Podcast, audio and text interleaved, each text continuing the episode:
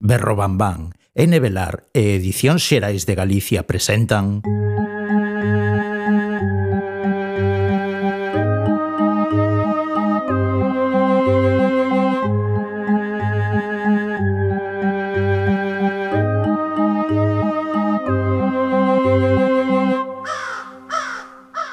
Trece avisos. Historias para escoitar pola noite.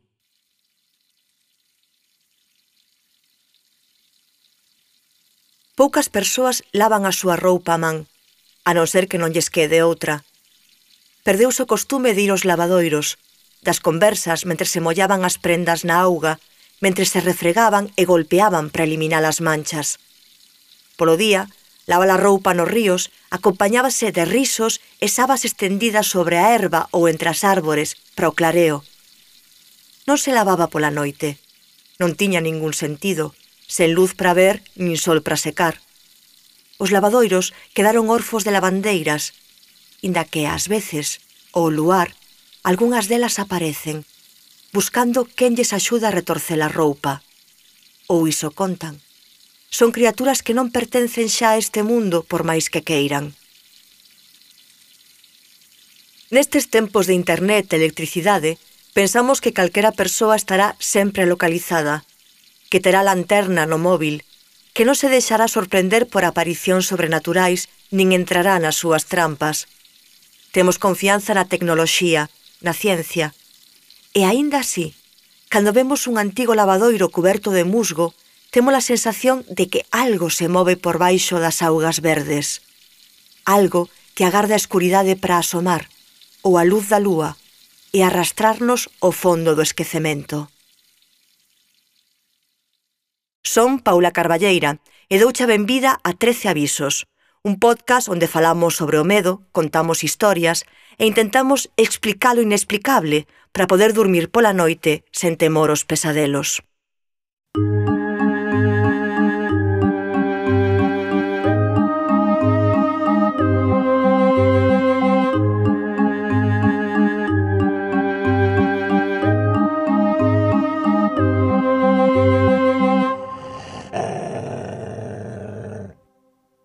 as lavandeiras.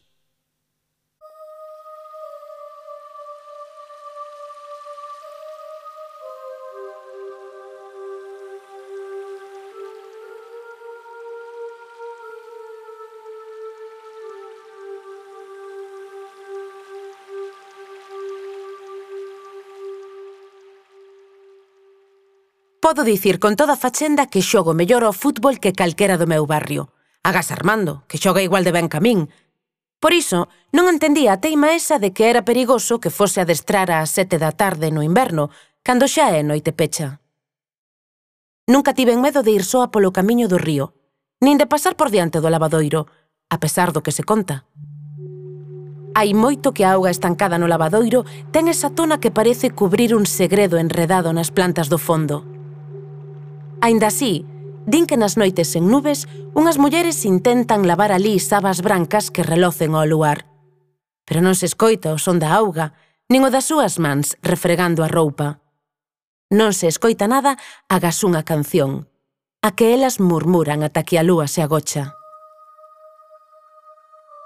Pero eu non cría nas parvadas dos tempos da Santa Compaña, de lobisomes e ánimas en pena, A min o que me importaba era que me deixasen tranquila con aquilo do risco que supuña para unha rapaza volver por certos camiños. E que podía xogar ao fútbol no instituto e non quedar despois a esas horas cos cafres das casas baratas, que a partir de outubro se fai de noite cedo, e debía estudar máis e troulear menos. E como nada diso facía efecto, comezaban cos contos de medo. Xa foran tres as mozas que afogaran xusto nese tramo do río, esganadas, e un par de rapaces, aínda que eles caeran na auga e tardaran en atopalos. No lavadoiro sentíanse voces e non se vía sombra ningunha. A última vez que pasei por ali volvía do adestramento con Armando, rindo e dándonos empurróns para chimparnos fora do camiño, de broma, ata que lle dei tan forte que realmente o chimpei e caeu a rolos á beira do lavadoiro. Cando me pasou o ataque de risa, fun onda el. E atopeime armando no chan, coa boca aberta, rodeado por unhas mulleres brancas, tan brancas como as sabas que levaban. Ao notar a miña presenza, tres delas viráronse. Eran as rapazas que morreran, afogadas, tristes, co cabelo enchoupado. Axúdanos a retorcer as sabas, murmuraron mentre se achegaban a min. As sabas pingaban sangue. Cada quen que lave a súa roupa! Berrei e boteime a correr. Un pescador atopou a Armando días despois, río abaixo. Supoño que el non soubo que responderlles ás lavandeiras e acabaría retorcendo as sabas, entrando na auga e deixándose arrastrar pola corrente. Supoño que, ao non falarlles, as lavandeiras coidaron que non podía cantar con elas. Supoño. Pero quen sabe? O único que teño claro é que non vou abandonar o adestramento. Tampouco vou evitar o camiño do lavadoiro. Mirei as lavandeiras e souben que dicirlles. Non hai criatura deste mundo ou do outro que me impida facer o que eu queira.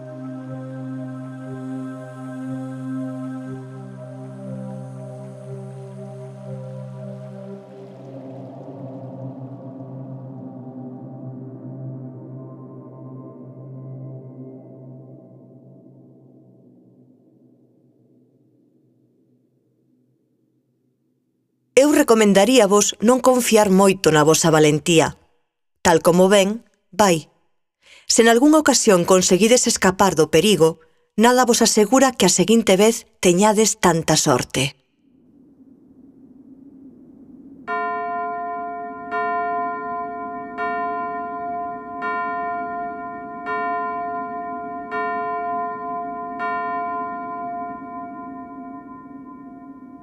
Aviso número 7. Lavar de noite. Lávase de noite o que de día non se pode. Por iso as augas estancadas atraen espíritos atrapados, arrastrados alí pola corrente. Compre non achegarse ás escuras, a eses lugares onde nada se move.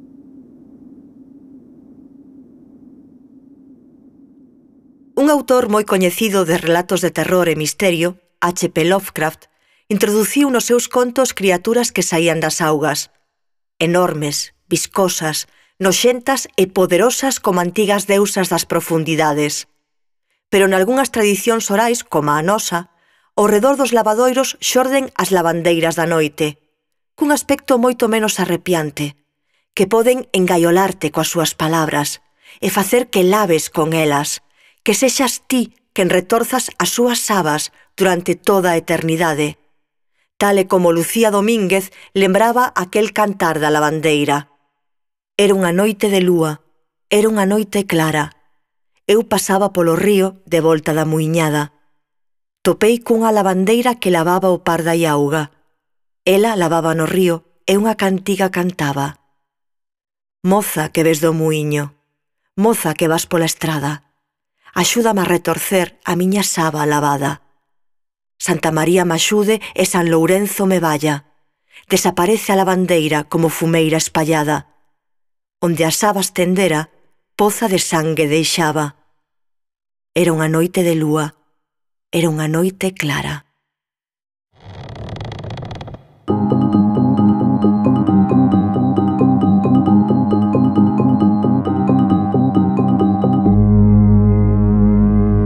Historias do ataúde. Estamos na sección Contos do ataúde, onde imos abrir este ataúde que temos diante, un ataúde de cartón negro, cheo de microrelatos que escribiron nenos e nenas de diferentes idades, así que imos ler algún deles a ver que toca hoxe. Veña. Pum. Cada vez pesa máis este ataúde. É que cada vez está máis cheo. Claro. Hoxe tócame a min escoller algún e voullo pasar a Rocío. Veña, gracias, Paula. Vamos alá. A ver... Eh, este non está firmado. Entón... Di así. Díxome a miña nai, todos os nenos están na cama. Mirei a xanela e dixen, e esa nena que? Na xanela había unha nena coa boca ensanguentada. Virei a cabeza e a miña nai non estaba. Hola! Que, que medo, que xiros. Non, hai moitos xiros. Moitas imaxes. É que a mí lembrome a... Mm, claramente. A, de, a Deixame entrar. Ah, sí. Ah, ah bueno, claramente, sí. non sei. Bueno, a, tamén a Stephen King, a claro. de Salem's Lot. Vos mirades esa miniserie de... Como se chamaba? Salem's Lot, non? Sí é un rollo vampírico, que ese pobo empeza a ver vampiros, non? E entón, claro, persoas que enterran, despois aparecen. E unha imaxe mítica, da, eu lembrome porque estaban dando a miniserie e eu lera o libro e non quería ver esa imaxe, que era dun neno que está na cama pola noite, sinto uns petos na, na xanela, no cristal, e ao mirar ve o seu irmán que morrera. Pero o neno ve o seu irmán aí na xanela fora e claro, el se levanta porque está fora para claro, abrirlle a na, na xanela nun, nun segundo andar ou unha cousa así. Decata así. despois. Despois de que, claro, el vai, a súa intención é está o meu irmán fora, voulle abrir a ventá. E Pero cando vai, entrar, claro, claro, claro, outro lle pide para entrar. Home, está ali petando. Mm. que xa, xa aprendimos eh, neste podcast que eh, os vampiros piden entrar. Claro, claro. claro. Que, que eu non, non me acordaba. Claro, é que é unha condición esencial. Entón, claro, o irmá vai abrilo e ti estás, no, no, que non abra. Que... E daquela, cando está abrindo a ventá, se decata de que está nun segundo piso, de que o seu irmán non pode estar aí fora flotando no aire. E nese momento se transforma, o sea, a cara do irmán se transforma.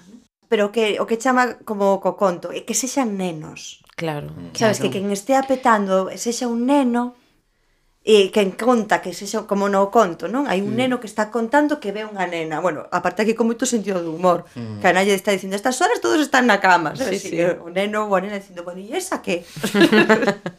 e a nai marchou Ah! Ou é... Eh, ah! De repente non porque está. Porque de repente, de repente cambiou, marchou. Eh, o sea, mirou, mirou para nai, volveu a mirar. E a nai xa non estaba. É moi guai como consiguen facer, pasa en, moi, en case todos os microrelatos que, que vamos lendo, como consiguen con cousas cotiás e coas cousas que pues, moitas veces te machacan, no? de no, veña, vaite deitar, que xa está, todos os nenos tal, como esas, esas retaílas darlles a volta para construir, pois pues, eso, un levalo ao mundo do terror. Está, está sí, moi sí. guai.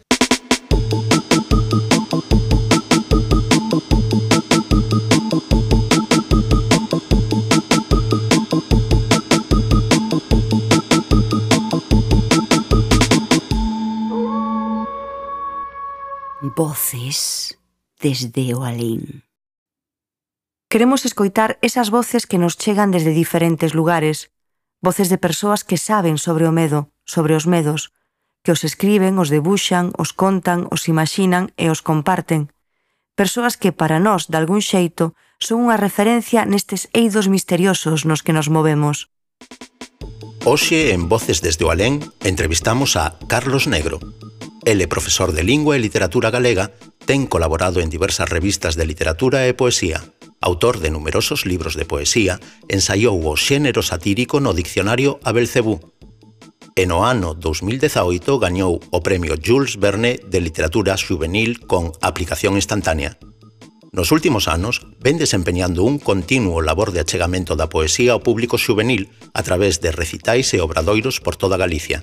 En 2018 recibiu o Premio dos Clubs de Lectura que outorga a Asesoría de Bibliotecas Escolares de Galicia ao autor máis lido do ano 2017.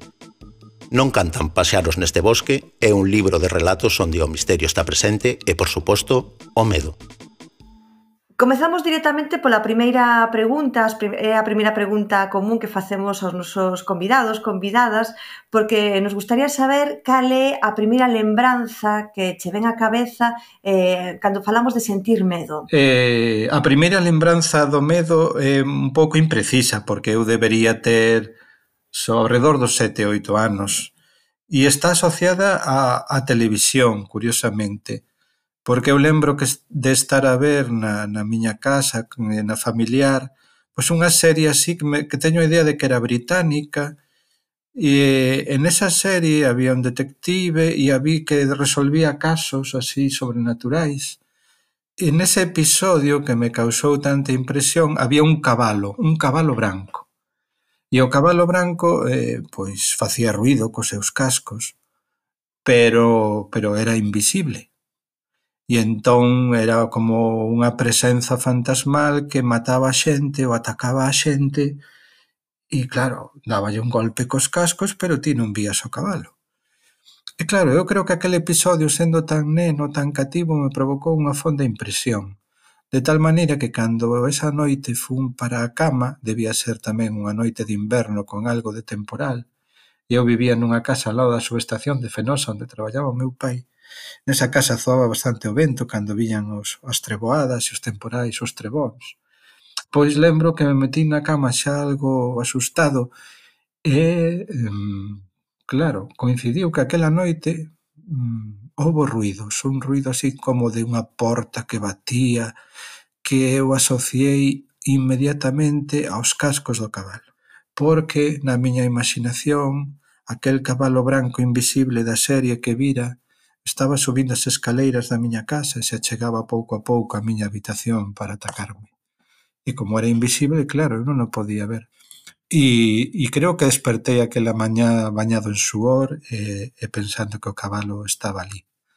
Despois conte, contei isto a miña nai, a miña nai tranquilizoume, como fan todas as nais, dicindo que era nada, que fora o vento, estas cousas todas, pero cando saín o, o xardín que rodeaba a miña casa, descubrín que había cerca da, da ventá que daba a miña, ao meu cuarto unhas pegadas así de como de cabalo ou de égua ou de besta, eu non o sei.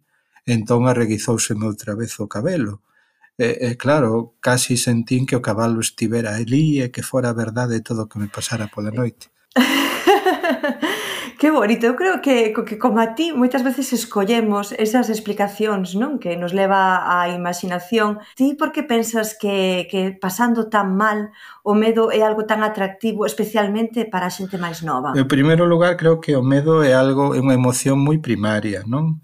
moi perturbadora, moi, moi que sentimos todos os seres humanos en algún momento. E cando trasladamos o medo á literatura, transformase en certa maneira. Quero dicir, eh, os medos reais ou do mundo que consideramos real moitas veces son físicos ou percibímolos como algo racional, unha ameaza pois que, que, que podemos percibir que nos pode facer dano.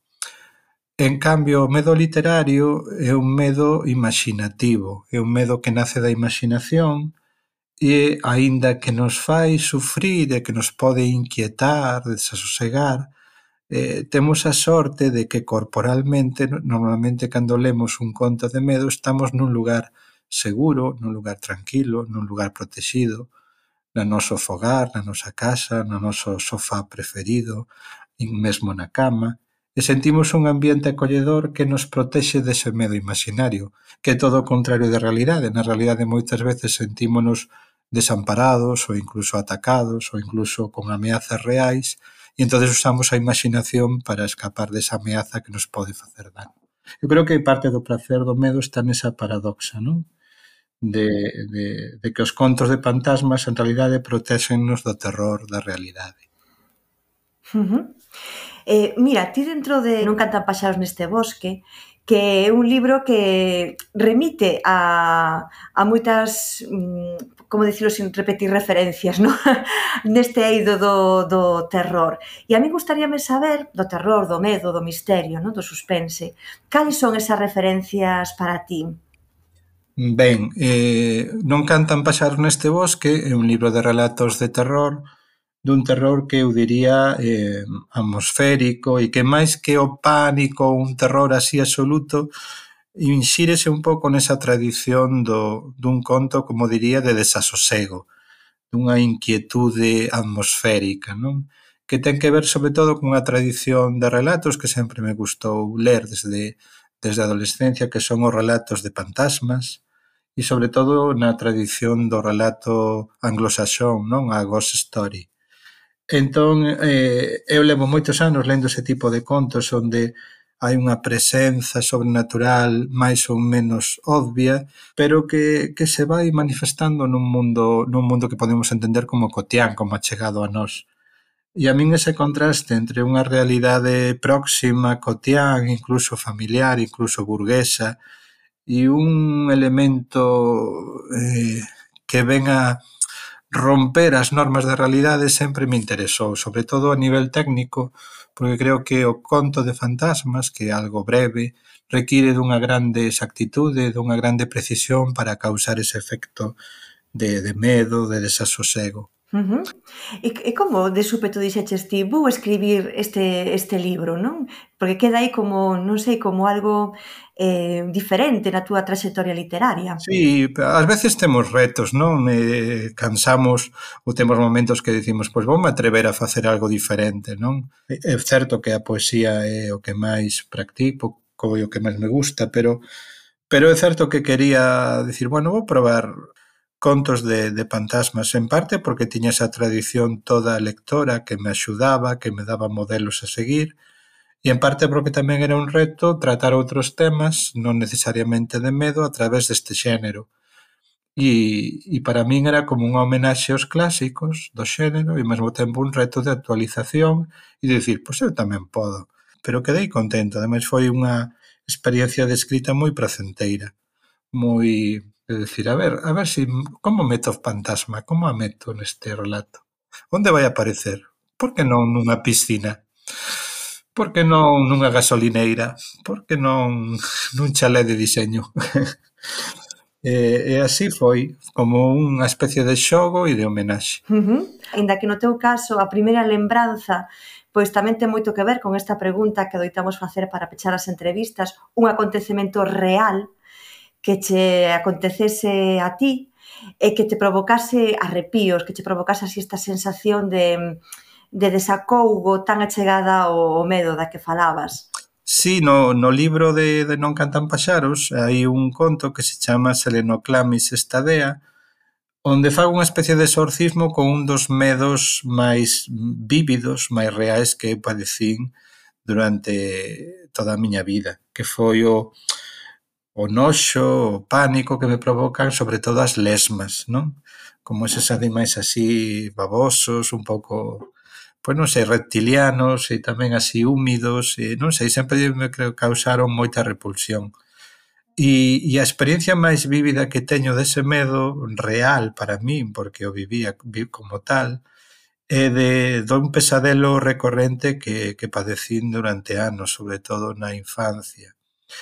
E era que eu nese, nese pesadelo eh, aparecía eu, de, de neno obviamente, eh, diante ou na entrada dunha especie de prado xigante, pero xigante a mellor como varios campos de fútbol, con un verde intensísimo, un verde así liso, cunha erva dun verde así de outono chuvioso. Eh, E ao fondo dese prado creo que estaba unha casa que podía ser a miña casa. E, e eu tiña necesidade de cruzar ese prado para, para regresar ao meu fogar. E un detalle, eu estaba descalzo, ia cos pés descalzos. E a medida que me iba adentrando nesa erva tan branda e húmida, descubría que o camiño, que toda a superficie do prado estaba cheo de lesmas e cada vez había máis lesmas a medida que avanzaba, ata que chegou un momento que sentía unha suor e un pánico porque eu tiña que pisar esas lesmas cos pés descalzos e empezaba a correr e iba como sentindo ese ruido de chof, chof, chof de ir pisando as lesmas en tal modo que chegaba un momento que berraba, suaba e despertabas, non? E, e ese é o meu pesadelo predilecto para contarvos e para compartir. E agardo que nunca teñades esa sensación de ir pesan, pisando lesmas cos pés descalzos durante moitos metros e sentir como que estás eh, chapuzando.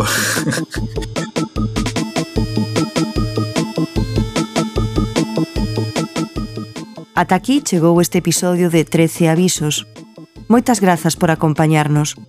Que pasedes unhas boas noites e un consello, non fuxades do medo Espantadio.